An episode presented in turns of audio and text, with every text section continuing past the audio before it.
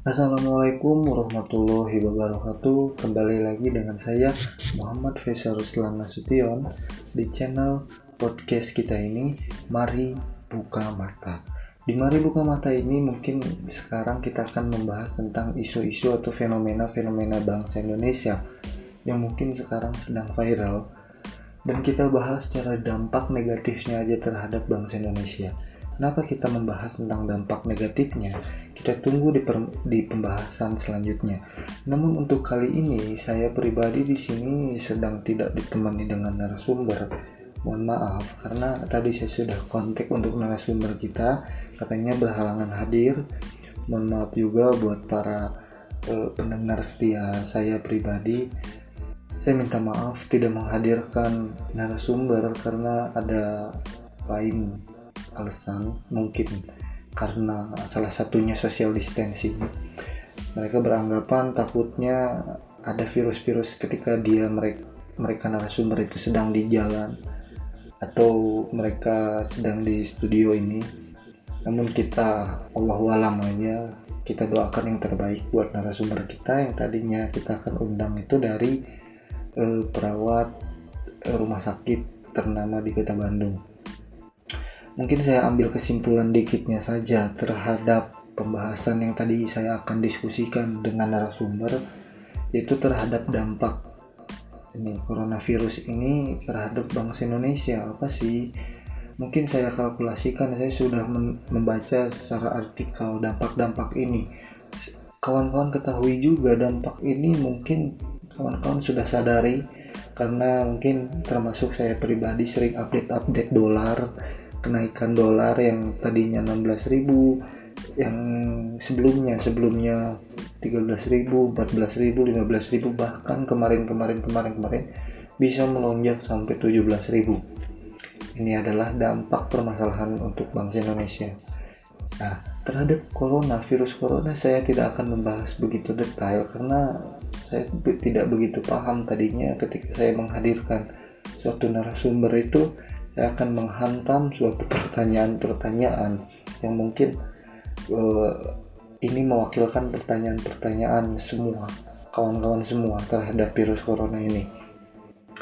Namun saya gagal, mohon maaf sebelumnya. Saya di sini akan menyimpulkan saja dari segi dampaknya saja.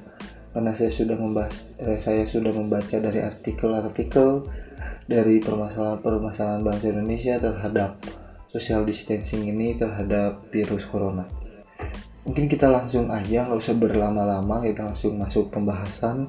Yang pertama kita membahas tentang dampak corona terhadap bangsa Indonesia. Ini apa sih?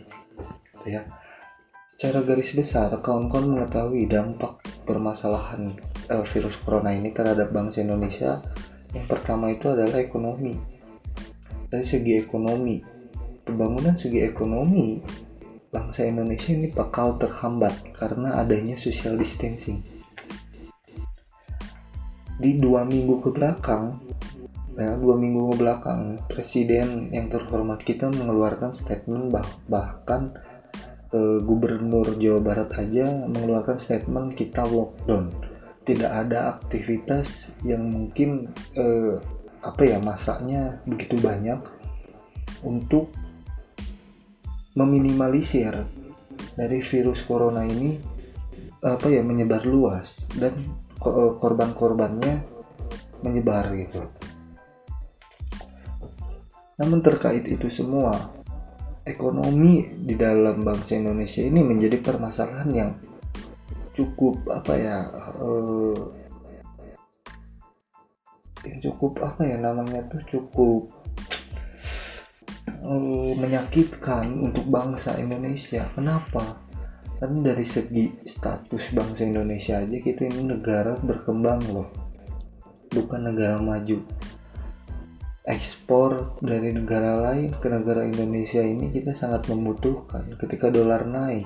Artinya ketika dolar naik itu tidak ada pertukaran ekspor impor dari Indonesia terhadap luar negeri begitupun luar negeri yang terus-terusan masuk ke Indonesia ini yang mengakibatkan dolar itu naik mungkin uh, basic-basicnya ekonomi mengetahui apa sih uh, ketika dolar naik itu karena apa Nah, terkait itu semua ekonomi, kita lihat dari sosial budaya.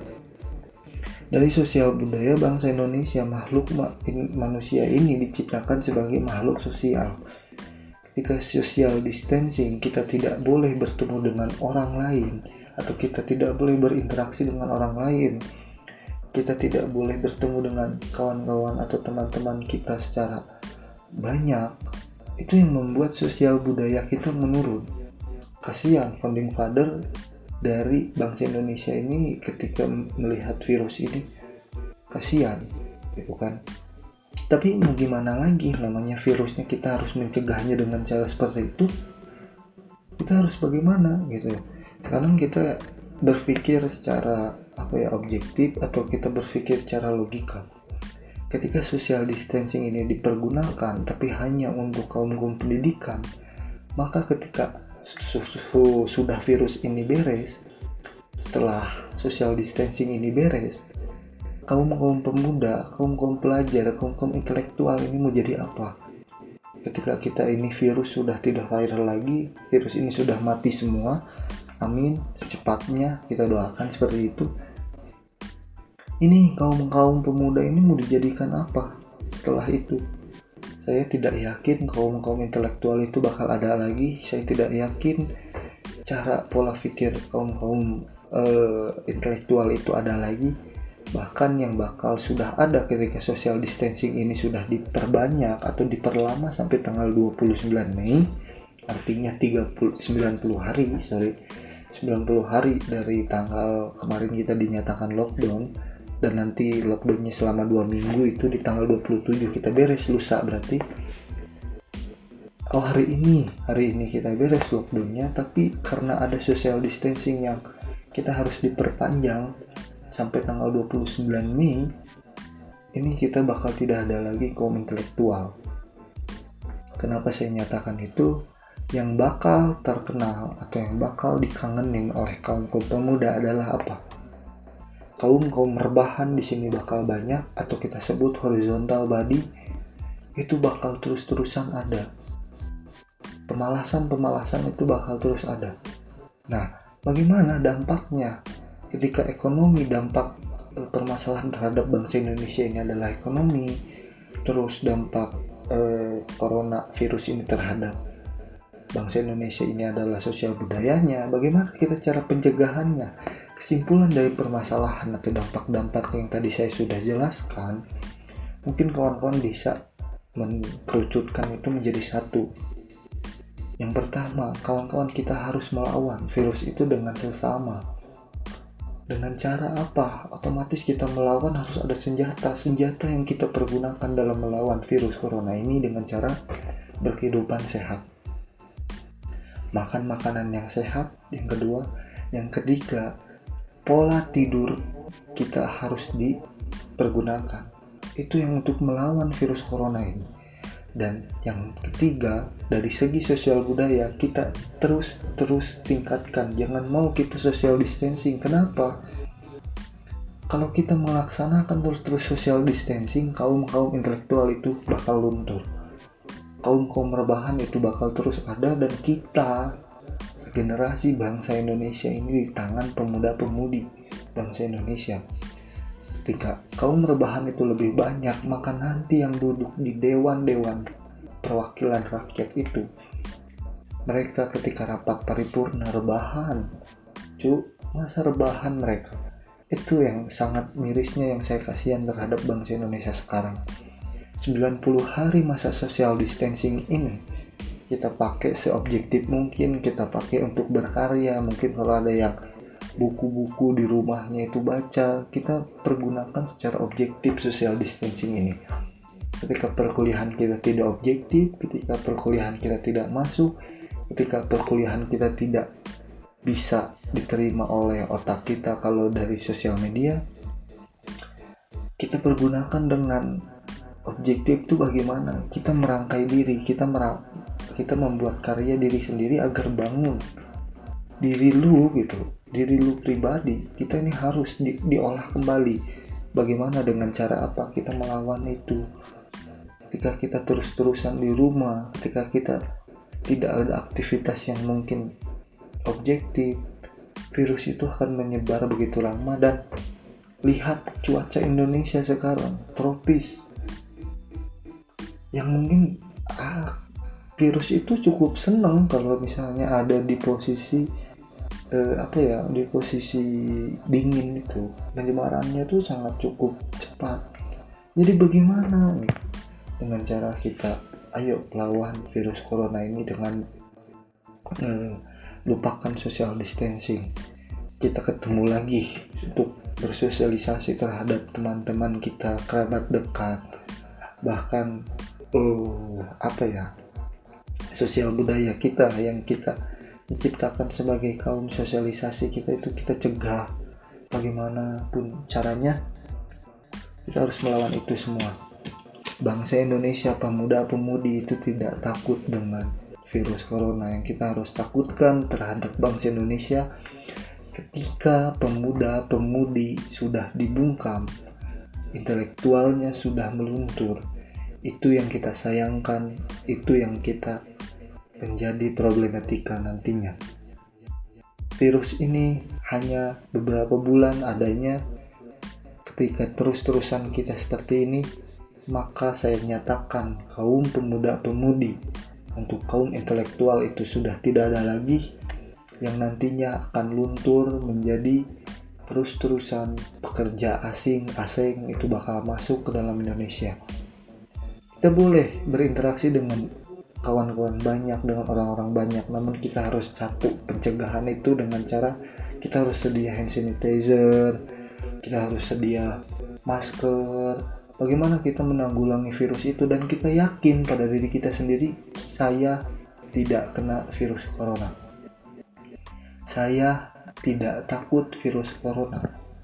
Ketika kita sudah meyakinkan itu pada diri kita sendiri kalau kita tidak akan kena itu mungkin virus itu akan takut dan kita akan kembali normal lagi aktivitas kita akan normal lagi ekonomi kita akan normal lagi. Tuh mungkin.